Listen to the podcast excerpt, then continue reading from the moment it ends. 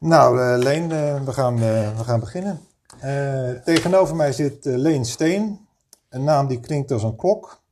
En mijn compagnon in dit podcast, podcastavontuur. Een man die de 57 jaar dat hij op de aarde rondloopt al meer heeft meegemaakt dan veel anderen in drie levens. Hardcore punker in de jaren 80 en daarbij verwikkeld in veldslagen met de politie en ideologische twisten met punkers en andere dolende randjongeren de voelingen van die tijd hielden ook huis in zijn hoofd, waardoor hij met een psychose in een uh, psychiatrische inrichting belandde. Gelukkig kwam Leen weer op zijn pootjes terecht. En hij had het geluk dat zijn geheugen nog prima functioneerde, want hij slaagde erin de turbulente levensfase als punker in Rotterdam in een roman te gieten. Titel Heet Hoofd. Op de cover zien we Leen met een uitzinnige oranje hanenkam. Tegenwoordig is Leen Chineng Qigong leraar en metamorfose waarover we nog zeker te spreken komen. Met Leen maak ik deze podcast die zal handelen over spiritualiteit die met beide benen in de wereld staat en over tal van andere zaken die ons interesseren. Oké, tegenover mij zit Paul Albers, 69 jaar oud, een journalist met een veelbewogen geschiedenis. Op zijn zestiende van huis weggelopen richting Ibiza om daar een aantal maanden het leven te ontdekken in het gezelschap van schrijvers, kunstenaars en bohemiens van verschillende pluimuizen.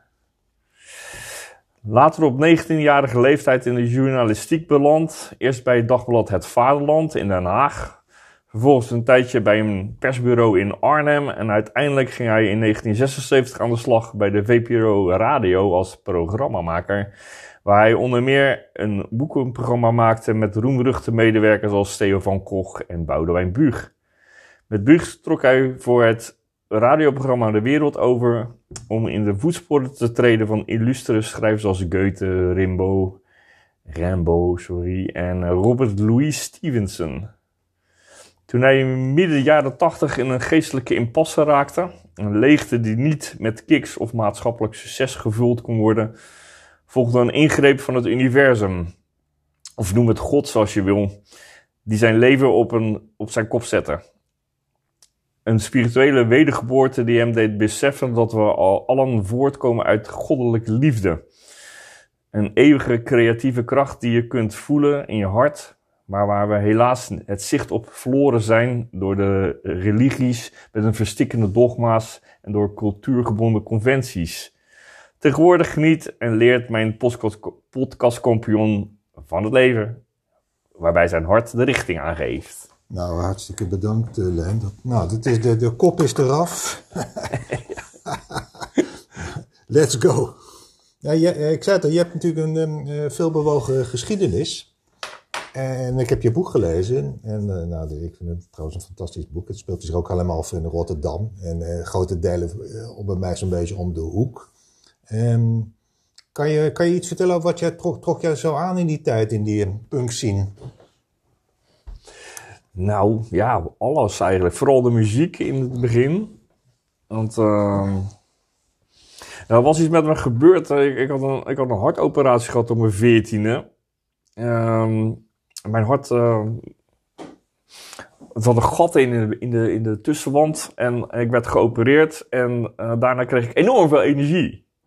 En daarvoor was ik een beetje sloomjoch, die veel last vooral en dat dingen. Maar ja, en tegelijk kwam die punk dingen op. En ik was, ik was best wel ook wel geïnteresseerd in muziek en wat uh, met uh, hard rock bezig en dat soort dingen. En dan ja. kwam die punk eroverheen. Zo! Ik was helemaal van de sokken geblazen daarvan. Uh, ik ben er een beetje later inge, ingerold ook. Um, omdat ik. Um, ja, in het begin vond ik het niet zo tof, weet je, met die. Dat hele hype gedoe over de Sex Pistols en zo, dat hakenkruisen dragen en uh. Maar toen kwamen hier in de stad de Rondo's met, uh, met hun versie van het hele punk gebeuren. En dat was heel anders. Dat was veel over dat uh, do it yourself, do DIY. En tegen die grote platenmaatschappijen in en alles gewoon zelf regelen. En dan uh, leer je bandjes als Crash kennen en zo. En ja, wauw. Uh, die, ik ben altijd heel erg op teksten geweest. De teksten van de Dead Kennedys en, en Crash, dat was gewoon uh, echt een eye-opener voor mij. En uh, ik kon ze nog steeds helemaal uit mijn hoofd gaan. Die uh, dat vind ik wel teksten. Crash ja. was echt gewoon hele... Nou, rappers kunnen daar nog wat van leren. Vind je de muziek nog steeds goed trouwens? Wat zei je? Vind je die muziek nog steeds ja, goed? Ja, ik draai nog steeds af en toe... Ja. Vooral in mijn hoofd eigenlijk, want ik ben een beetje doof geworden. Ik kan niet zo goed meer tegen echt uh, dus keihard. Uh, qua volume. Maar, ja. maar eigenlijk kreeg je dus door die hardopera kreeg je een soort boost. Die samenviel met die opkomst van de punk. Ja, dus het was helemaal het was, ja, dat was ook een universum aan het werk, denk ik dan. Oké. Okay. Ja. En je werd helemaal door meegesleept. Je hebt ook waanzinnige avonturen. Je had gigantische panden heb je gekraakt, las ik. Ja, ik heb in gewoon gigantische panden gewoond die ik, die ik niet zelf gekraakt heb hoor. Ik heb wel, wel een paar keer met kraakacties meegedaan, maar ik, uh, uh, uh, ja, dat organiseren daarvan, dat, dat liet ik liever aan anderen over die wat dapperder waren dan ik. Ja, dat doe ik ook. Maar ja, ja. Maar ik moet ook wel zeggen, kijk, het lijkt allemaal als je dat in dat verhaal zo leest over van, het was echt een grote turbulente tijd, maar we, ook, we hebben ons ook heel erg lang heel veel verveeld hoor. Dat, Ja, ja. uh, dat hoorde ook wel. Hoort maar eigenlijk bij. is dat ook best wel goed, denk ik, achteraf. Waarom? Spiritueel gezien. Ah, is het- oh ja? Hoezo? Ja, want als je die jongeren van nu ziet, die zijn dus nooit meer verveeld. Nou, Mm, Nou, dat, ik hoop het voor dat ze af en toe wel verveeld zijn, want uit verveling kan er hele mooie dingen ontstaan. Ja. En als iemand constant alleen maar bezig is met alle prikkels te verwerken die je naar binnen krijgt, dan word je dus nooit spiritueel, lijkt mij. Dan word je gewoon afgevlakt, denk ik. Had je dat in die tijd dan al? Dat je dacht van ik heb iets spiritueels? Of eh, dat je iets merkte? Nou ja, als je in die tijd als je jong bent en je verveelt je, vind je dat natuurlijk gewoon niet leuk. maar, Nee. maar je gaat daardoor wel op een gegeven moment denken van ja, oké, nou ben ik het zat, ik ga, ik ga wat doen. En dus dan, eh, ja, ik ging in bandjes spelen en eh, vrijwilligerswerk doen. En eh, ja, ik liep me af en toe wel een beetje ook in met politiek. Maar ik had daar al een beetje gauw genoeg van, eerlijk gezegd. Hm. Gewoon omdat eh, die hele richtingenstrijd bevalt me helemaal niet, gewoon, weet je. Ook in de, in de punkbeweging, toch? Was er ook allerlei ja, richtingen? ja, dat had je daar ook. Punk en kraakbeweging eigenlijk, hè. Want niet iedereen was punk natuurlijk in die kraakbeweging. Mhm. Maar oh, sowieso was in die kraakbeweging ook... ehm, ja, er, waren, er liepen ook gewoon een heleboel mensen rond die punkers niet serieus namen. Gewoon. Die het van allemaal belachelijk gedoe vonden en eh, niet eh, strikt volgens de regels. Ja, ja, ja. En dat, en dat is juist, ja... En daar ging jij dan mee in discussie? Ik, ik haat het als mensen ook, ook daar gewoon dogma's gaan hebben. Ja, hè. ja, Dus, ja. Ja, het zit wel een beetje in de Dat mens. zat er wel in, hè, die tijd. Ik kan me dat ook nog herinneren. Ja, mensen die ergens, mensen die konden dat zo ver doordrijven. Jee, man, weet je wel. Ik bedoel, het is gewoon heel erg duidelijk. We waren gewoon eh, tegen het systeem, tegen religie, tegen kapitalisme. Maar dat, dat kan je er steeds verder uit gaan breiden natuurlijk. En op een gegeven moment dan... Ja, Dan kan je wel nauwelijks meer ademen. Dat blijft wel. Ja, ik kan me nog, want in die tijd was ik eh, nou ja, journalist bij de VPRO Radio. En ik eh, ver- versloeg toen dus ook die krakersrellen soms in Amsterdam. Toen had je nog Stadradio, dat was Ja, heel ja, bekend, met Stan van Houken en zo. Maar ehm daar ging ik ook naar kraakpanden. Maar dan moest je eerst door een soort ideologische ballotage heen. Nee, eh, ja, Zelfs- precies, dat soort dingen. Echt, daar kreeg ik wat van als mensen zo begonnen. Ja, ook, maar ook die paranoia vooral, weet je. Alsof iedereen een spion kan zijn van de regering. En ik had zelf iets van, jongens, denk je nou echt dat ze wakker liggen van wat we hier doen? Ja. Ik Maar, vraag me ehm, af. Eh, jij bent natuurlijk ook behoorlijk aan de middelen toen geraakt. Eh, Nou, ik heb veel gebloot, maar... eh, eh, mijn eh, tweede ervaring met LSD was al genoeg. ja, wat, vertel, wat gebeurde er? Nou ja, ik, ik, ik- het, ding was, ik, eh, ik, had, ik had net een hele vervelende relatie achter de rug. En ik zat eigenlijk gewoon totaal in de blues. En dat is niet het moment waar je LSD moet gaan gebruiken. Dus ik eh, schoot in een eh, behoorlijke dip. En van daaruit eh, werd dat een beetje een nachtmerrieachtige scenario. Vertel, wat dan? Nou ja, ja, de straat loopt en het lijkt wel of iedereen eh, verandert in een zombie of zo. En dat, eh, ja, en eh, gewoon heel angstig gewoon. Was je niet ergens het raam uitgesprongen op Nee, moment? nee, ik ben niet het raam uitgesprongen, maar ik ben wel, eh, eh, ja, wel, eh, Ja, ik heb, wel eens, ik heb heel mijn huis toen in vernieling ge- ge- gegooid en in de rond van het dak eh, groot gestaan. Ja, dat ja, ja. kan ook, eh, ook een maar ik was, wel, ik was niet zo ver weg dat ik dacht van ik ga maar vliegen. Dat toch nog nou, Nee, dat alweer Chad net Baker na, nadoen. nee. Dat, Maar eh, het was wel zo ernstig dat je in een inrichting belandde. nou, ik, ik eindigde op het Dijkzicht 5 midden. Dat is niet echt een inrichting, maar dat is gewoon het, de psychiatrische afdeling van het ziekenhuis. Oké. En daar heb ik drie maanden gezeten. En ehm, nou ja, daar heb ik wel een, een, eh, eh, een beeld van de psychiatrie ook gekregen dat het niet echt heel erg rooskleurig is. Gewoon. Het, is Want? echt, eh, ja, het is alleen maar, gaat alleen maar over symptomen onderdrukken met hele nare medicijnen. Ik kreeg Haldol, dat is een spierversterker, waardoor je gewoon nauwelijks meer kan bewegen en een soort Parkinson-achtige trillingen in je lichaam krijgt. En eh, ja, dat spul hebben ze eigenlijk min of meer ontdekt, doordat eh, als je een spierverslapper aan iemand geeft, dan krijg je hallucinaties. Dus eh, nou, als je nou een spierversterker doet, dan, krijg je, dan helpt dat misschien. is En ook eigenlijk is het gewoon achterlijk. Logica Eh, van dat is dan wetenschap, weet je. Dan denk ik van, jongens, ja, jongens. ja. Maar het is dus inderdaad gericht op onderdrukken van de symptomen. Eh, Want eh, uit je boek eh, nou, kan je ook wel halen, want die psycho is natuurlijk een enorme overweldigende ervaring. Maar niet alleen maar negatief, begrijp ik. Ja, Toch? dat is zeker niet. Op een gegeven moment had ik ook wel hele mooie inzichten. Dat was net ehm, alsof je heel even een, een, een tipje van de sluier opgelicht wordt en je de hemel ziet of zo. En daarna ben je het ook weer meteen weer kwijt. En dat is wel weer het nare ervan. Dat, dat, dat heeft ook, denk te maken met dat het gewoon een chemische trip is of zo waar je in zit. Ik weet het niet. Maar je raakte dus wel even iets aan. Ja, ja, dat, eh, ja, ik had soms hele mooie inzichten over dat. eh, dat inderdaad ook wat later dan weer terugkomt in een. eh, in de manier waarop ik op een moment spiritualiteit ervaar. Door gewoon meditatieve bewegingsleer, zoals Qigong te doen. En daar ook dat gevoel van te krijgen dat alles één is Dat- maar dat had je dus toen ook al enigszins. heel eventjes dingen zo. En dan als later denk ik van, nu kan ik dat beter herkennen eigenlijk, zo wat dat nou precies was. En eh, En hoe ben je daar uitgekomen uit, uit die toestand in, dat, in die eh, inrichting en in de nou medicijnen? ja, ik heb dus gewoon eerst gewoon dat hele eh, gedoe doorlopen en dan aan eh, de brave jongen uitgehangen, waardoor ik gewoon ontslagen werd uit het ziekenhuis.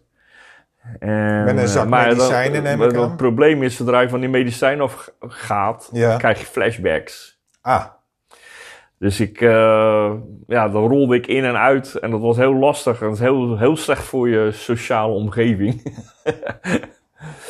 Totdat ik iemand ontmoette, een, een ervaren psychonaut zou ik maar zeggen. En die zei, ik weet precies wat er met jou aan de hand is. Je hebt je trip niet afgemaakt en die blijft terugkomen totdat je hem afmaakt. En je moet, gewoon, je moet hem gewoon loslaten, gewoon gaan. Toen heb ik paddenstoelen met hem gebruikt. En toen ben ik twee weken lang hem losgegaan. Nou, na een paar dagen haakte hij al af. Maar ja, oké, can happen. En sindsdien heb ik nergens meer last van gehad. En dat, die, die trip was eh, veel minder angstig en veel toffer. Maar ik kwam ook een beetje rond met al die heftige beelden. En ook de duivels en de, en de engelen en zo, alles, alles werd ook daar één, weet je wel. Dat dat, dat allemaal niet meer zo angstwekkend is eigenlijk. maar dat was een soort afsluitende trip Ja. die je echt nodig had om er een punt achter te zetten. Ja, precies. En dan denk je echt van, hoe is psychiatrie daar nooit achter gekomen? Nou, de laatste tijd komen ze een beetje achter inderdaad. Natuurlijk, het hele onderzoek naar LSD heeft stilgelegen vanaf het moment dat Richard Nixon dus hè, zijn war on drugs begon. Omdat Mhm. die hippies natuurlijk, eh, dat ging lieper uit de hand. Mhm. LSD werd verboden. Maar vervolgens werd ook alle onderzoek naar LSD gewoon stilgelegd. Terwijl eigenlijk daar het mee begonnen is. Hè? Als je dat boek van eh, Tom Wolfe leest, van Ja, eh, de, eh, Acid Trip? de Acid Trip. Ja, ja. Over Ken Kesey, die is als een proefkonijn zich aanbood. En toen dacht van zo, dit is zo tof spul. Dit moet de wereld weten. Nou ja, er is natuurlijk de laatste tijd veel aandacht voor eh, behandeling van psychose. Ik zag ook een documentaire op televisie. eh, waarin mensen inderdaad zeggen wat jij ook zegt. Dat er gewoon ook waardevolle delen zijn. En dat je dit niet alleen maar moet richten op onderdrukking. Ja. En ehm, eh, dat je dus anders mee moet omgaan. Ja. Maar je, je ziet het al dus iets gebeuren. Nou, er zit wel beweging in. Natuurlijk ook ehm, zo'n druk als eh, MDMA is ook gewoon gemaakt door, door eh, als, met als bedoeling dat je mensen met PTSS ermee kon eh, Ja. eh, behandelen. Dat je dus mensen weer van zichzelf houden, gaan houden. Dat is bij PTSS gewoon moeilijk, blijkbaar. Zeker. Dus ehm En ja, en je- vervolgens wordt dat dan niet in de psychiatrie gebruikt, maar dan komt het in het illegale circuit terecht. En dan gaan iedereen, al die mensen met grote ego's die al wel heel erg van zichzelf houden, die shit gebruiken, waardoor dat helemaal denkt, nou ja, jammer. Maar het is natuurlijk niet alleen eh, de behandeling van psycho. De hele psychiatrie heeft een groot probleem. Omdat alles is gericht op die, dat DSM-handboek. Ja. Dus ze moeten daar een, een, een, een stempel bij zoeken. Ja. Vervolgens eh, moeten ze een strak plan eh, zetten, behandelplan, vaak met medicijnen. Ja. Om aan de eh, normen te voldoen van de verzekeringen, noem maar op. Dus die zit in een soort corset, waardoor eh, het beeld eh, kwijtraakt op de patiënt zelf. Nou, in principe geldt dat natuurlijk voor de hele farmaceutische industrie.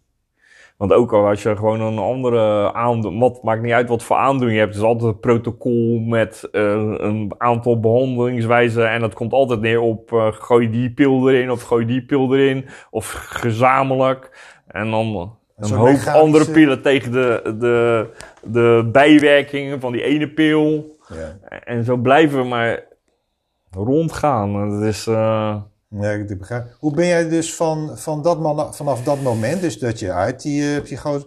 Hoe ben je toen op dat pad van de spiritualiteit en de Qigong terechtgekomen? Nou, dat heeft wel een tijdje geduurd. En Het duurde eigenlijk tot eh, ja, het jaar 2000. Of 1999 was het eigenlijk. En toen kreeg ik dus ineens een hele heftige hartritmestoornis. Alweer? Hartprobleem. Nee, kijk, je moet dat anders zien. Toen ik geopereerd werd, toen mer ik merkte daar niks van. Mhm. Eh, het was tot eh, de schoolarts erachter kwam dat ik dat gat in mijn hart, omdat ik een hartruis had. En ehm, toevallig waren er toen ehm, een, een team Amerikaanse hartchirurgen eh, die die operatie gingen uitvoeren voor het eerst. En daar, ik zat bij die eerste lichting. Maar als je dus zo'n operatie hebt gehad, heb je inwendig littekenweefsel. Ah, ja. En dat gaat opspelen. Yes. Kijk, dat wisten ze in die tijd nog niet. Want in die tijd werd iedereen die geopereerd werd aan zijn hart, die was 25 jaar later, leefde die gewoon niet meer. Want dat waren allemaal oude mensen. Maar ik was jong natuurlijk. Oké, dus er is een verband tussen die eerste operatie en wat je later kreeg, een Ja, hartritmestoornis. precies. Er Alright. zat een heel duidelijk verband tussen. En toen? Nou, toen, uh, uh, ja, dan krijg je allerlei uh, ingrepen weer en medicijnen. Nou, die medicijnen voor je hart zijn ook vreselijk gewoon. Beta-blokkers, dat, daar reageerde ik verschrikkelijk slecht op. Ik kreeg, ja, ik was altijd heel erg bezig met, ik ben zanger was ik gewoon. Dus ik, maar ik kreeg geen adem meer. Ik kon, ik kon nauwelijks meer praten gewoon. Mm. Echt. En, je bent zoals een doodvogeltje zit je op de bank gewoon ineens. En met het idee van, nou, het leven is gewoon voorbij. En uh, ja, dan krijg je uh, ingrepen zoals uh, ja, een cardioversie. Dan zetten ze je hart heel even stil met zo'n strijkijzer, weet je wel. stroomstoot. Mhm. Mm -hmm. En dan resetten ze het weer. En dan denk je, wauw, ben je ineens overal van af. Maar een half jaar later komt het gewoon weer terug. Oké. Okay. En dan komen ze, ja, ik kan het nog wel een keer doen. Maar ik had iets van, ja, maar bij de, na de tweede keer had ik iets van, ja, maar nu voelt mijn hart gewoon echt zwakker gewoon. En ik ga niet blijf niet aan de gang met die shit. Ik bedoel, ik had het idee echt als ik hier op deze weg doorga, dan, dan ben ik een oude man om mijn 40 straks. Daar heb ik geen zin in. En waar had je een alternatief dan? Precies, nou, ik heb zo tien jaar lang heb ik uh, af en aan uh, constant dan weer uh, een goede periode afgewisseld met hele heftige shit. Mm -hmm. En totdat ik een vriend tegenkwam, dus die Qigong lessen gaf. En Even kort, wat is Qigong? Qigong is dus een Chinese meditatieve bewegingsleer. Right. Dus je mediteert en in plaats van dat je stil zit, maak je zachte bewegingen en dan concentreert je helemaal op je bewegingen, waardoor je uh, chi gaat aantrekken eigenlijk. En chi is? En chi is, volgens de theorie is chi de meest verfijnde vorm van energie en informatie. Is dat niet gewoon de, de, de goddelijke cre- creatieve zou, kracht? het zou kunnen zijn dat we ooit een keer Gewoon- een, een, een subatomair deeltje ontdekken wat dan chi is. Nee, maar is het niet gewoon de, de creatieve kracht die ons allen in stand houdt? Pardon, nog een keer? Is het niet gewoon de creatieve kracht van de bron die alles stand Ja, nou ja, precies. Dat is gewoon de, de bron van alles. Ja, eigenlijk, zo kan je het zeggen. Is de, de energie waaruit uiteindelijk alles is Voortkomt. ontstaan. Ja, Volgens de theorie is het zo dat eh, chi ervoor zorgt dat de elementen ontstaan. Die elementen ook weer eh, verbindingen maken. En van, dus de chi, de Dao, hè, van, eh, dat is één. Die splitst in yin en yang. En van daaruit Eh, ja. krijg je alles. Dus één wordt twee, twee wordt Ik- 15.000. Ik vat hem. Maar goed, jij, jij kwam dus die vriend tegen, die zei, eh, die zei iets over. En toen, Qigong. Nou, ik, ik, ik ging. eh, hij heeft een tijdje moeten aandringen voordat ik dan uiteindelijk meedeed. En, maar ik stond in die les. Eh, hij gaf vooral les aan familieleden. En dat was een hele, een hele leuke Molukse familie. Maar, en heel spirituele mensen. En ik ervaarde het, ja, wat ze zeggen, het chi-veld. Dus eh, ehm, als je in een groep Qigong beoefent, Qineng Qigong dus vooral, dan eh, wordt dat chi wel sterker. Dus de, eh, die, die deeltjes die, die worden geconcentreerd om je heen. En dat ga je, op een gegeven moment ga je dat merken gewoon, dat, het, eh, dat je extra, iets extra's met je gebeurt. Gewoon, je wordt super relaxed. En je hebt dus het gevoel dat alles één is. En je wordt helemaal... Ja, er komt dus een heel mooi soort kalmte om je heen. En dat was die kalmte die ik ervaarde was het eerste. Waardoor ik ook meteen dacht, nou, ik ga elke week naar deze les. Dit vind ik helemaal fantastisch. Als je het aan je hart hebt en, en, eh, en er gebeurt iets, dan krijg je een stoot adrenaline erbij. En dan is het gewoon, nou, dan ga je plat gewoon. Nu ervaarde ik zoiets van, eh, die, die kalmte alleen al, die zorgt dat er zoveel van de harde randjes van, van die aandoening af, afging, dat alles veel draaglijker werd.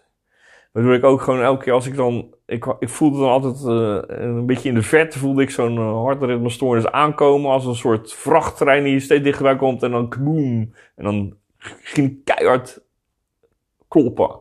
En dan schoot hij van eh 60 naar 180 beats per minute, zo bam.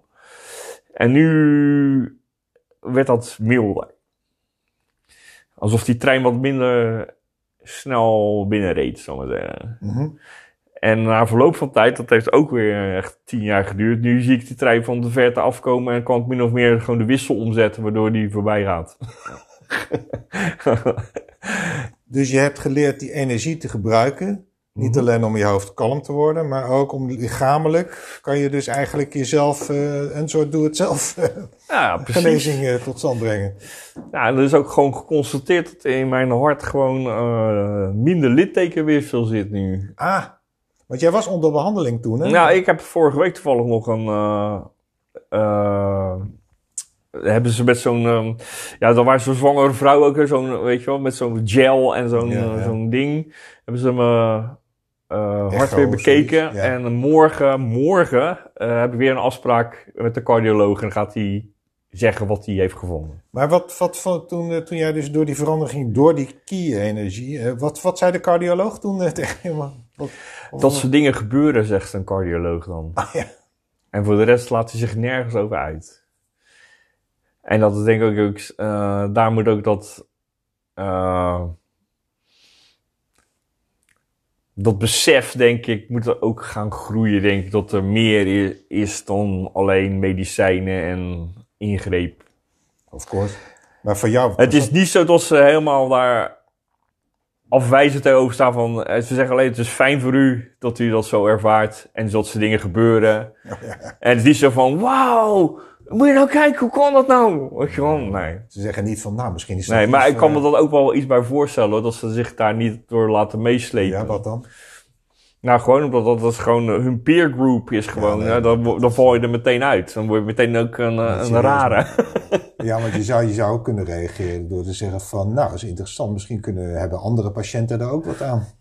Ja, dat is wat ik hoop dan. Maar En dat is wat ik. Ik, ik ben ook natuurlijk niet voor niks les gaan geven daarin. Omdat ik denk, ik, eh, ik krijg er een soort zendingsdrang van. Want ik wil gewoon andere mensen ook helpen. Ja, dus na, nadat je merkte dat het goed was voor je hart, ben je dus, eh, toen dacht je van ik ga lesgeven een Eh, ik, opleiding. ik neem heb zelf vier jaar getraind. En, en toen was, het zo, was ik zo ver dat ik echt dacht van, nou, ik ga die, die opleiding doen. Vier jaar getraind. Ja, ik heb eerst gewoon vier jaar getraind. eh grotendeels ook op mezelf. Alright. Want eh André heeft, eh, mijn leraar, die heeft niet zo heel erg lang les gegeven. En die is zelf ook overleden op een gegeven moment. Aan zijn hart. maar ja, ik was even een beetje op mezelf teruggeworpen wat dat betreft. Maar ook niet, kijk, het is niet zo dat de stad vol zit met Qigong-leraren of zo. Hè. Er zijn er maar een paar. Want eh, eh, jouw vorm van eh Qigong is weer speciaal, hè? Of kan je Ja. iets, kan je wat Het is een moderne vorm van Qigong. Want de ouderwetse, traditionele vormen, dan krijg je dus les van één op één van een meester. Mhm. Die meesters kun je sowieso ook niet vinden natuurlijk in Nederland. Dan moet je voor naar China. Nou ja, moet je eerst Chinees leren natuurlijk. Dat is ook lastig. En dan ben je weer tien jaar verder. Ja, traditioneel is zo, je zoekt een meester en die gaat jou eh, als proef, mag je bij hem wonen, mag je twee jaar een sloofje zijn en daarna gaat hij überhaupt beslissen of je, of je het wel waard bent om les aan te geven. Maar dat heb jij gedaan of niet? Nee, nee, nee. Nee, want Chineng Qigong, dat is een eh, moderne vorm. En, eh, Dr. Pang Ming, een Chinese arts, die zowel in het traditionele Chinese medicijnleer heeft gedaan als de westerse. Die en heel lang Qigong heeft geleerd, van, vanaf zijn zesde al. Hij was echt eh, ja, meester. Die heeft een besloten uiteindelijk dat eh, het collectief bewustzijn van de mensheid zoveel gegroeid is, dus dat we ook in groepen les kunnen nemen.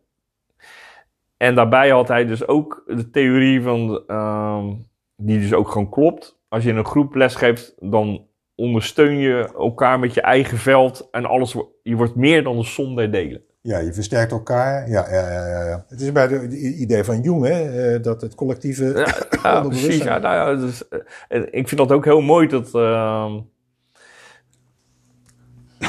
dat die, ehm, die Chinese kijk of die Oosterse kijk op, op, op, eh, op wetenschap, maar ook geneeskunde, et cetera, ook steeds meer eh, toegroeit naar die van de Westen. En dat dat vermengt. En dat, en- en ik heb daar, ben daar heel erg hoopvol door. Dat dat uiteindelijk een, een, ook hier doorbraken gaat geven. Dat een Maar- andere kijk naar naar eh, gez- ziektes, ziekte en aandoeningen. Ja, dat, eh, en daar is natuurlijk wel iets al van aan de gang. Maar het is dus in China wordt het breed toegepast, toch? Hè? Je zei toch, geloof ik, dat zij de ziekenhuizen hebben zonder medicijn? Of hoe, hoe Ze hadden, ze, ze hebben, ze gehad, dat is niet, dat niet meer helaas. Oh, Ehm, er was een medicijnloos ziekenhuis in China, waar ze dus Qineng Qigong als therapie deden. En hadden ze meer dan 3000 leerlingen, dus noemen we het geen patiënten, want dat is al, hè, dat, ook- dat is ook al wat, ja. Leerlingen, die eh, dat tegelijk dan die oefeningen deden. Ik heb ooit iemand in mijn les gehad die daar is geweest. En die zei daar, daar die kon echt wegzweven op de energie daar zo. Fantastisch. En we hebben hele goede resultaten daar behaald. Eh, de Chinese regering heeft ook heel veel onderzoek gedaan in dat centrum over hoe alles werkt. Daar hebben ze enorme dossiers voor opgebouwd. Die zijn alleen nooit vrijgegeven. ah, is het ook verboden of zo op een gegeven moment? Eh, nou, het is zo dat op een gegeven moment kreeg je de machtsstrijd tussen de huidige president en een andere kandidaat-president.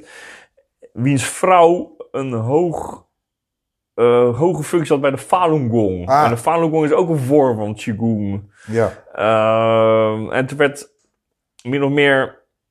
De beschuldiging was dat de Falun Gong politiek en Qigong door elkaar haalde. En eigenlijk van plan was om het eh communistische systeem om, omver te werpen. Maar dat was allemaal alleen maar machtsstrijd. Dat was allemaal onzin. Maar daardoor werd Qigong dus in zijn verdacht. tijd echt verboden geweest in China. Nu niet Het meer? werd, het moest allemaal in het geheim, in het geniep. En, eh, en het werd verboden om het met meer dan, eh, met meer dan tien man tegelijk te doen of zo. Is dat nog steeds zo?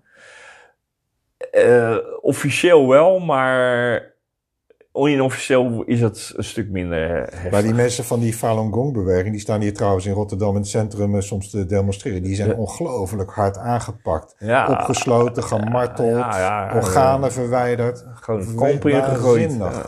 Ongelooflijk. Net Ja, die de stond Oeigoeren. natuurlijk wel op het plein van de hemelse vrede daar ook. Met die alle, en, en dat werd dan als een bedreiging gezien. Ah, ja, ja. Nou ja, dat is ook een beetje paranoia. Ja, nee, het- daar gaat alles om de, om de, om de macht. Ja, dat, en er is altijd. Maar ehm, eh, wat veranderde in jouw persoonlijk leven verder? Behalve dat het goed was voor je hart. Maar wat veranderde in jouw persoonlijk leven? Door die Qigong. Nou ja, bijna alles. Vertel. Oh, ja, bijna alles. Ehm, nou, ik ben er gewoon wel een. eh, eh, kijk, een mens verandert heel zijn leven door, hè? Dus het is sowieso een, eh, een, een proces. Je komt op een, op een pad terecht en, eh, en dat pad is gewoon interessant. En eh, hè, er gebeurt eerst iets met je lichamelijk iets, maar er gebeurt ook heel veel met je geest natuurlijk. En je gaat heel anders tegen dingen aankijken. Hè? Mhm, Ik was vroeger heel erg boos vooral op alles. mhm. En dat is echt wel anders geworden. Ik heb veel meer compassie, zou ik maar zeggen, met mensen. En ik zie dat iedereen struggelt, gewoon, weet je wel. En eh ja, je wordt eigenlijk wat meer zen door. En ook het, ik neem aan het gevoel van verbinding, eenheid. Ik gevoel echt dat je. En dat is, dat is echt wat ik, iets wat ik denk. Dat schort aan heel veel mensen op het moment. dat je niet meer één voelt met de natuur. Dat je het idee hebt dat een mens. eh, Ook, daar komen ook die gekke ideeën vandaan. dat wij eh, van aliens afstammen of dat soort dingen. Weet je wel. Terwijl als je kijkt om je heen. Weet je, de hele natuur groeit naar de mensheid toe. Hè? Bij in de Qigong-theorie is gezegd, de, de mensheid is de, het, het toppunt van de evolutie. Wij kunnen heel veel, want wij hebben niet alleen het brein, want bijvoorbeeld een dolfijn heeft ook een enorm brein, maar die heeft flippers in plaats van vingers. En ja, dat is dan moeilijk. die, kan, die kan niet zo makkelijk dingen creëren voor de rest. Maar waarschijnlijk heeft hij in zijn hoofd, kan hij prachtige dingen doen. Maar kijk om je heen, weet je wel, het is echt niet zo dat een intelligent brein of zo eh, eh, een unicum is. Want misschien een wolf is ook gewoon bizar. eh. Maar heet het, verbinding met de natuur. Maar voel je ook meer verbinding met andere mensen? Ook al hebben ze misschien andere ideeën dan jij? Ja, nee, precies. Ook gewoon dat je ook gewoon. ehm, dat je gaat onderkennen ook, eh, vind ik heel belangrijk, dat er, er bestaat geen eenduidige waarheid. En het is gewoon net op wat voor manier je er tegenaan kijkt. Je hebt een heleboel waarheden. Heeft Eh, ja, precies. En maar eh, mensen, mensen vervallen heel makkelijk in dogma's. Over, ze nemen iets aan van, oh, dit is waar. En dan vervolgens bouwen ze daar een heel kasteel omheen. Ja. En dat is het mooie ook van wat ik vind van Taoïsme bijvoorbeeld. Die, die, duiden, die duiden dat heel goed. Van een mens maakt overal een groot verhaal van. Maar alles is super simpel. Ja, alles in de natuur is super simpel. Hm. En, eh, en ik, ja, dat zijn allemaal. Ik vind dat heel erg eh, troostend eigenlijk. En die simpelheid zoek je dus ook in jezelf. Ja, precies. Ja. En ehm, ehm, jij hebt, begrijp ik ook, een, een bepaalde opvatting over spiritualiteit. Want je ergert je volgens mij nogal eens aan hoe mensen met spiritualiteit omgaan. Of, nou, vertel zo maar. Nou ja, ik, vind, ik heb ook eh, gewoon door om me heen te kijken ook, eh, en ook bepaalde boeken te lezen. Ik vind dat boek van eh, Jeff Brown heel mooi, van Grounded Spirituality. Ja. En die heeft het over spiritual bypassing allereerst. Oh ja, ja. Dus dat je je spiritualiteit gebruikt als een vlucht uit de realiteit. Ah. En dat je dat dus niet moet doen. En in principe zegt Dr. Pang ook dingen die in die richting komen van... je bent altijd gewoon verbonden echt met je realiteit. En het is niet zo dat je eh, elke dag even lekker een uurtje staat te mediteren. En, en, en, en dat is even weg zijn van alles. Maar je moet juist gewoon in jezelf ontdekken zo, wat de patronen zijn in je, in je, in je lichaam, in je, in, je, in je doen. Die je zou willen veranderen, waardoor je gelukkiger wordt gewoon. En, en dat gaat vooral over loslaten. Juist, ja, dat... eh dat, dat Ja, en loslaten vinden mensen, iedereen vindt het loslaten heel moeilijk. Jij ook? Eh, ja, natuurlijk. Ik ben ook mens. het gaat iets makkelijker, maar ook ik, merk ook gewoon dat ik eh, hele vastgeroeste patronen heb. De laatste tijd vond ik ook wel mooi. Ik heb een hele heftige gong achter de rug. Ik heb honderd dagen een hele zware meditatie gedaan. En die, eh, die bracht me hele mooie nieuwe inzichten. Maar dan, eh, ik merkte dus ook dat ik. eh, dan loop ik door mijn huis en dan ben ik weer aan het vloeken en schelden over op alles. Weet je wel, net als vroeger. En dan is het net alsof ik alleen maar naar mezelf kijk en zeg: Dit is gewoon zo'n vast patroon. Dat komt er gewoon maar uit. Maar eigenlijk doe ik het niet echt zo. Ik voel dit niet meer zo. Maar het, het gebeurt nog wel. Het is gewoon heel Ja, bizar. Ja, ja, dat herken ik inderdaad wel. Ja, ja, ja. Dus je zegt zo, wauw, dat is gewoon zo vastgegroeid in die dingen dat ik eh, zie iets wat me triggert en dan ga ik los.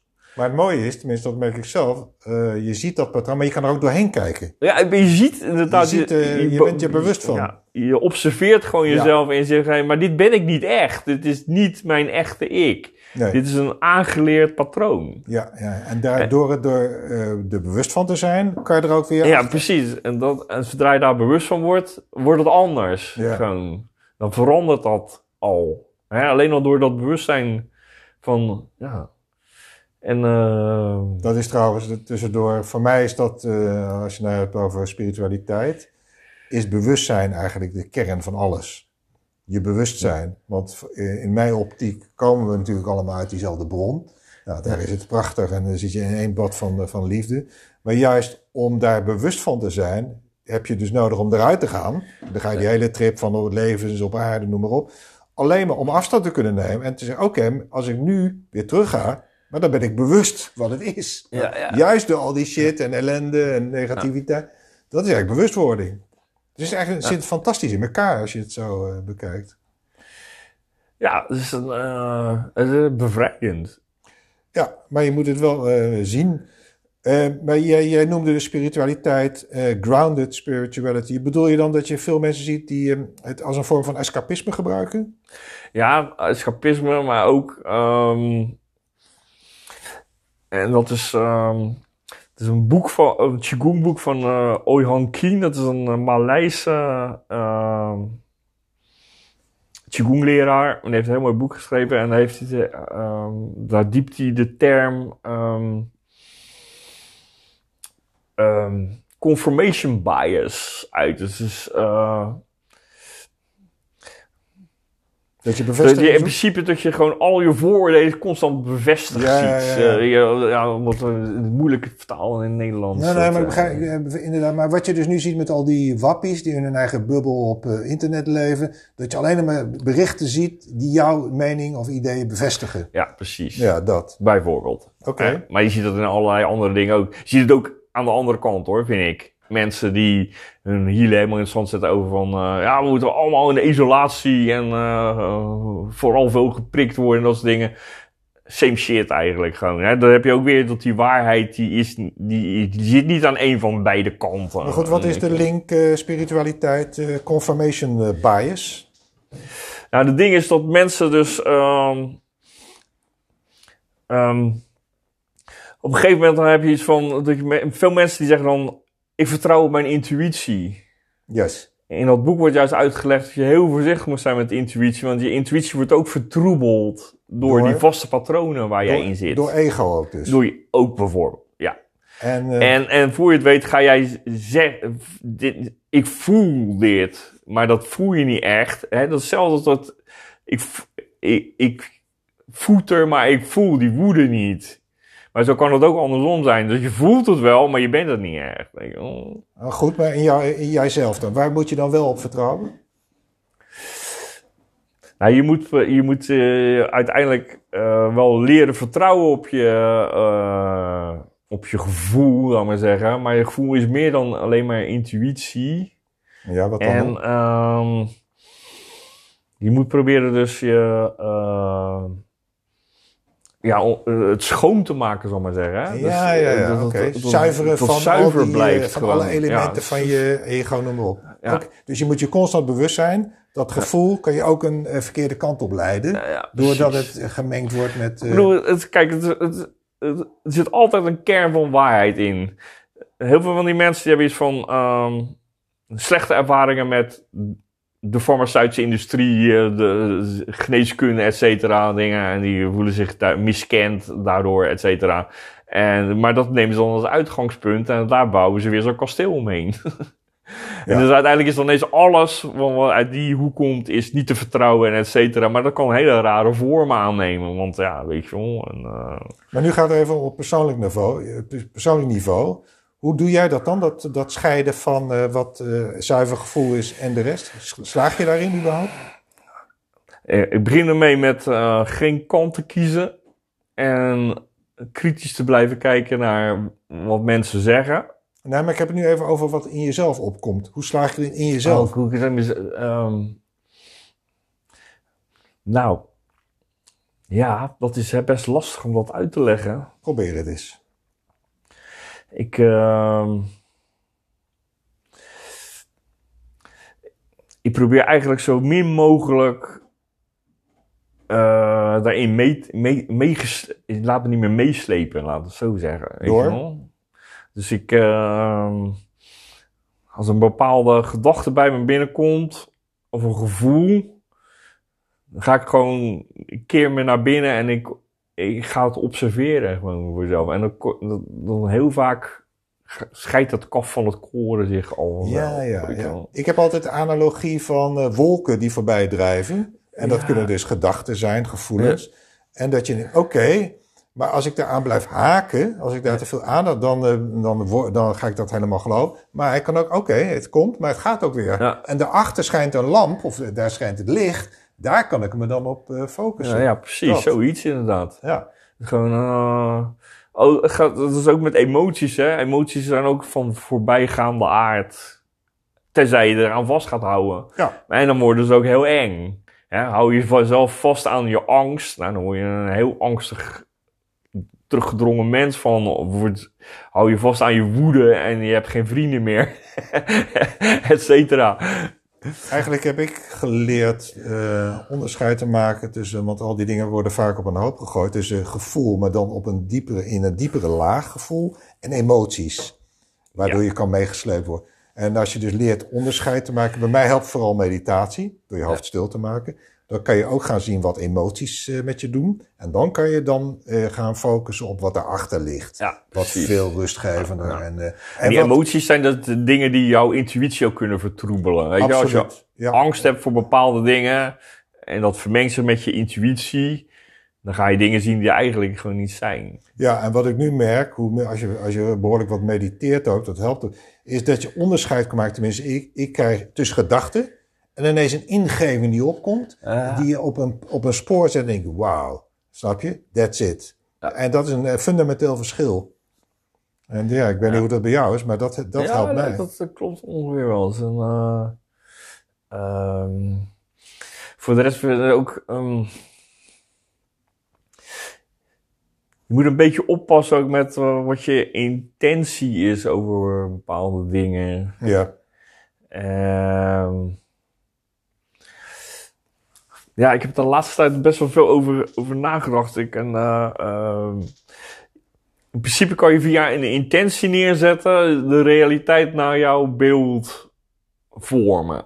ja. Hè, dat is ook een Qigong ding. Dus je ziet jezelf in het eindresultaat van je oefening, zeggen wij dan. Ah, dus je je, je eigen realiteit creëren eigenlijk. Ja, precies. Yes, yes. En dat is niet zo dat dat automatisch gebeurt, want je gaat zelf ook gewoon dingen doen waardoor die realiteit eh, eh, logischer, Ja. weet je, richting jou, doordat je ook dingen doet natuurlijk. Hè? Het is niet zo dat je in een hoekje gaat zitten alleen maar eh, heel erg heftig aan wensdenken doet en tot het dan vanzelf, nee, nee, zo werkt dat niet. Maar ehm, je moet, wees voorzichtig met Be careful what you wish for, you Ja. just might get it. Oké, dus je moet je intentie goed in de gaten houden. Ja, en je En ook die- zuiver houden. Of die zuiver, ja, wat ik net zei, of die zuiver is. Ja, Ja. daar kom je eigenlijk, dat kom je steeds weer op terug. niet, niet te veel.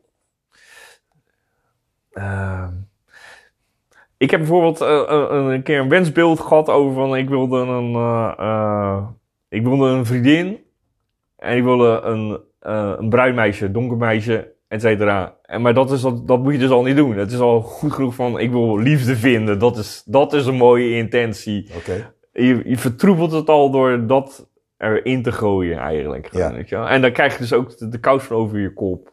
Hm. Want uiteindelijk Want, wat nou, gebeurde ik, er? eh, eh, ik kreeg zo'n vriendin, maar die had issues, daar kon ik niet mee omgaan.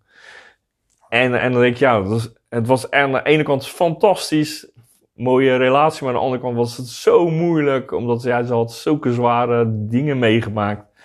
En eh dan komt het natuurlijk ook nog op een moment bij dat ik zelf echt het gevoel heb van, nou, met die Qigong kan ik heel veel bereiken met mensen.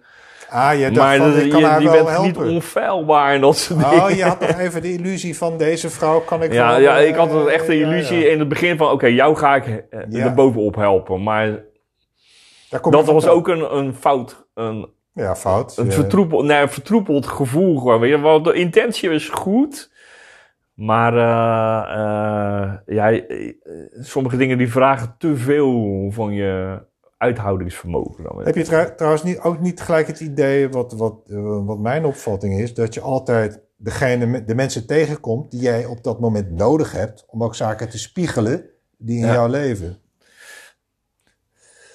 Ja, dat, is- dat is, het is een hele goede les geweest voor mij aan de ene kant. Maar ik denk ook dat het ook vanaf de andere kant ook werkt. Eh, Dat zij op dit moment, op dat moment ook iemand als mij nodig had. Ja, nee, je natuurlijk. En dat is het mooie ervan, dat alles één is. En dat het niet zo van de een... eh, van, van, van de, het is geen eenrichtingsverkeer, zou ik maar zeggen. Het is Nee, nee, altijd, nee. komt altijd een andere... En dat, ja, dat maar, is je ook een leert, hele maar je leert dus wel dat je eigenlijk, eh, op die manier mensen niet geholpen kunnen worden.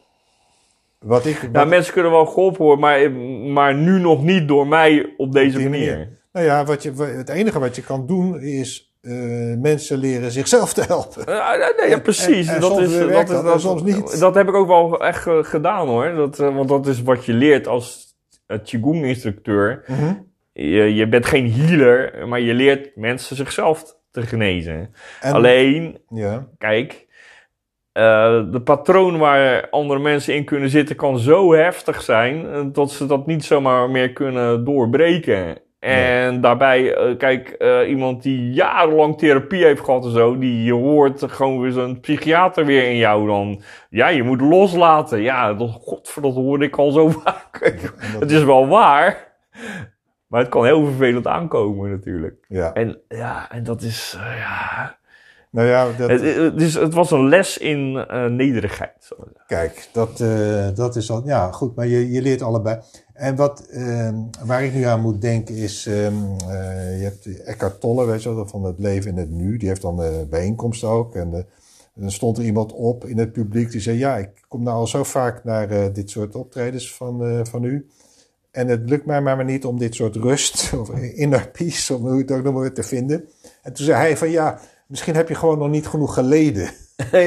Dus- ja, ja. En Ja, ja. dat sommige mensen die gaan dus, die, die moeten eerst zodanig vastlopen of zulke harde klappen krijgen van het leven, dan pas komt er iets op gang. Maar dat kan, heb jij of ik hebben daar, weet je wel, kunnen daar weinig invloed op. Nou Dat- ja, ik bedoel, ik heb ook wel klappen gekregen. En, maar ik zie het heel veel bij mensen. Dat ze, eh, het is niet zo waardevol als een good crisis. Gewoon. Ja, ja, ja, nee, Eh, en vergeet niet, veel eh, spirituele metamorfoses, om het zo maar te noemen, die komen tot stand na ongelukken, drama's, eh, noem Heel maar op. vaak, heel vaak. eh, verlies. Dan eh, gebeurt er ineens iets heftigs. En dan gaan mensen denken, oké, wa- wat ben ik eigenlijk nu aan het doen? Moet ik zo Ja, doorgaan? maar, maar het is ook niet voor niks natuurlijk dat er ellende is op de wereld. Zo. Anders dan, eh, ja, dan zouden we dat niet nodig, als we dat niet nodig zouden hebben, Ja. denk ik wel eens, dan zou het er ook niet zijn. Nee. Maar we hebben altijd het idee van, ja, shit, wat, wat, wat, eh, waarom is dat er? Weet je, waarom al die, al die troubles en dat soort dingen. Maar ja, Maar wat eh, wij trouwens wel gemeenschappelijk hebben, want eh, ik geloof dat jij daar ook zo... Te... Ik heb iets tegen goeroes. En dat is eigenlijk ook weer een voorbeeld. Die gaan, mensen die jou gaan vertellen hoe je dan het beste op het pad van de wijsheid kan komen. En ik denk, het zit allemaal in jezelf. Je moet het Ja. naar boven zien te halen in je eigen... Ja, maar Kracht. goeroes zijn ook een, een, een, eh, eh, voor veel mensen een manier om, om het uit handen te geven. aan iemand anders, aan een dogma, aan een ding. En, eh, en het, niet meer, het werk niet meer zelf te hoeven te doen. Je hoeft alleen maar te luisteren en te doen wat guru zegt. Ja, En vervolgens gebeurt er niks. Of gebeurt er iets heel fouts. Of guru neemt daar heel veel misbruik van. En eh, hè, zit in je broekje voor je het weten dat ze shit. heel, heel actueel wat je Ja, zegt. ja, ja, ja. Even over. Nou, mooi dat je actualiteit nog even Ja, binnenhaalt. ja, ja, ja, ja, dat, dat, gebeurt, dat gebeurt zoveel. Ook in de spirituele wereld. Ja, dat eh, zeker ja, ik bedoel, weten. ja, ga die verhalen over wat er over Bachman geschreven is. Maar Ja, en die man in Tibet, daar waren toch ook allemaal uh, leraren. Maar ehm, eh, ja, dat, ik kom trouwens, ik ken wel mensen die daar heel veel aan gehad hebben. Weet je wel, die zijn ook weer in uh, Bachland geweest en zo. Die, dat is dan kennelijk hun weg. Maar je ziet wel dat ze zo gewend zijn om een, een wijsheid van een bepaalde persoon uh, helemaal op te, op te handelen. Ja. In plaats van gewoon steeds bij zichzelf te raden ja. te gaan. Dat. Ja, maar dat is de makkelijkste manier natuurlijk. Ja, nee, ik geloof, ik bedoel, het is natuurlijk, je kan het, uh, voor mij, uh, maar voor sommige me mensen werkt het wel om zo'n bepaalde pad te zetten. Alleen ja, ja, ja. Voor, voor, mij niet. Volgens mij werkt het al bij iedereen tot een bepaalde hoogte maar dat, zo. Dat, uh, geloof ik. Ik heb ook mensen gekend die ook inderdaad uh, zijn geweest. En die later zeggen, ik heb daar heel veel aan gehad, maar ik ben er bovenuit gestegen. En ik, ja, oké, okay. good for ja, you. Ja, ja, ja, ja. Dus dat je als een soort uh, stepping stone eigenlijk. Ja, ja precies. Iets moet je op weg helpen. Maar je ziet dan ook gewoon de beperkingen daarvan waarschijnlijk. Uiteindelijk hoop ik. En uh, ik heb altijd afstand gevoeld met dat soort bach, bachwannen, dat soort. Jij, jij geloof ik ook. Ja, hoor. ik heb ook. Uh, ik, nooit ik zie mezelf ook niet in een oranje jurk, haren, haren gaan beroepen op straat of zo. En uh, ik vind het een van de dingen die mij heel erg aantrok aan uh, Chineng Qigong was uh, het feit dat Dr. Pang niet wil dat er persoonsverheerlijking om, rondom zijn persoon. Hij wil niet dat je zijn portret in, de, in je lesruimte hangt, et cetera. Dat is je helemaal ah. wars van. Oké. Okay. Zeg alleen uh, ter afsluiting langzamerhand. Hoe zie jij wat er nu gebeurt in de wereld? Zie je alleen maar negatieve ontwikkeling of zie je op een andere laag ook iets positiefs gebeuren? Tegelijk, maar ik denk dat dat altijd zo is. Ik zie wel hele enge ontwikkeling hoor. Ik vind uh, helemaal dingen vind ik heel eng. Ja. Ik vind, uh, nou ja, uit mijn oude punker dingen gezegd, ik vind het opkomst van het nieuwe fascisme heel eng. Yes. Ik vind, ik vind uh, wat in het parlement gebeurt soms echt gewoon doodeng. Mm -hmm. uh, Wat bedoel je met het parlement gebeurt? Nou ja, uh, de fascisten voor dictatuur. Ah, met hun tribunalen en zo. Ja, dat is geen. Nee, niet leuk. Oké, okay, dat dus. Um, de hele confusion over alles, over dat, alles wat vroeger links was, is nu rechts en vice versa. En dat is ook echt van, hè, heel raar. En, uh, maar misschien is dat ook wel, ook wel goed. Aan de ene kant zie ik ook wel uh, dat mensen steeds meer wakker worden over van hoe het echt in elkaar zit met de elite en dat soort dingen. Zonder dat je over wappie dingen gaat gebeuren. Maar weet je dat er wel, een, uh, ja, wel iets doorbroken moet worden. Macht, machtsstructuren. Ik, ik, ik vind het die idee heel mooi dat we eigenlijk weer toegroeien naar een soort tweede Franse revolutie, weet je wel. We hebben eerst de monarchie afgeschaft. Daar is de koopman voor in de plaats gekomen. Nu is het tijd voor de koopman om afgeschaft te worden. En, en we weer een nieuwe, uh, nieuwe stap nemen in ons collectieve bewustzijn, dan maar zeggen. Hopelijk zonder. Hebben we dan ook geleerd dat het niet met guillotines hoeft en dat soort dingen. Dus je dat ziet, wat, wat mag wat vreedzamer. Je ziet dus aan de ene kant chaos. En, uh, maar je ziet, daar zie je ook wel iets uh, moois uit ja. voortkomen. Het, het ding wat ik uh, zie is dat uh, het collectieve bewustzijn groeit ah. en verandert. En dat, dat, is, bij, dat is hoopvol. En, He, als, dus weet je, het idee hebt van ook um, dat alles wat je als mens meemaakt, uh, het collectief bewustzijn voedt. Ah, ja, en dat we daardoor ook gewoon uh, vreedzamer worden uiteindelijk. Steeds minder trauma's opzoeken of krijgen. Dus op, op dat gebied zie je wel een opgaande ontwikkeling. Collectief bewustzijn. Ja, natuurlijk. Want als je ziet, kijk, we zijn veel gevoeliger geworden voor een heleboel zaken die we vroeger gewoon voor granted namen. Weet je wel, het begon met van, nou ja, nou vroeger uh, kwam af en toe kwam ineens zo'n moordende, plunderende bende voorbij. En dan doe je dan maar even mee dealen. Nou, dat, uh, dat doen we niet meer aan. Dat is al wat minder. Uh, nu ook, neem die hele MeToo dingen, weet je wel. mannen die zich hun macht misbruiken om vrouwen te pakken is not dan gewoon. Het wordt steeds meer duidelijk dat we daarvan af moeten. Klaar. We zijn steeds minder. Uh, uh, we zijn steeds gevoelig geworden voor wat geweld met ons doet.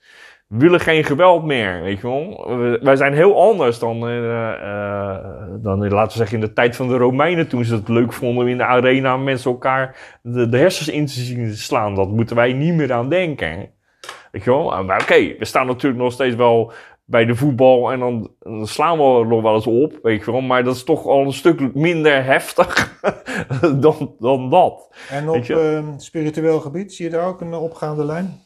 Bewustzijn? Ja, eh, ja, zeker wel. Ik zie ook gewoon dat er steeds meer mensen uh, interesse hebben in spiritualiteit en uh, niet in de val stappen van dat ze een religieus dogma opzoeken. Ah, ja, ja, ja. Nee, dat is zeker waar. Ja. En ik, ik, ik, ik, ik zie dat ook, en dat vind ik ook heel mooi, ik zie dat ook heel veel in de moslims die ik ken. Weet je wel, die ook met een, met hun eigen verlichting beetje een, een eigen, uh, hoe noemen we dat ook alweer, wat wij hebben gehad? De renaissance?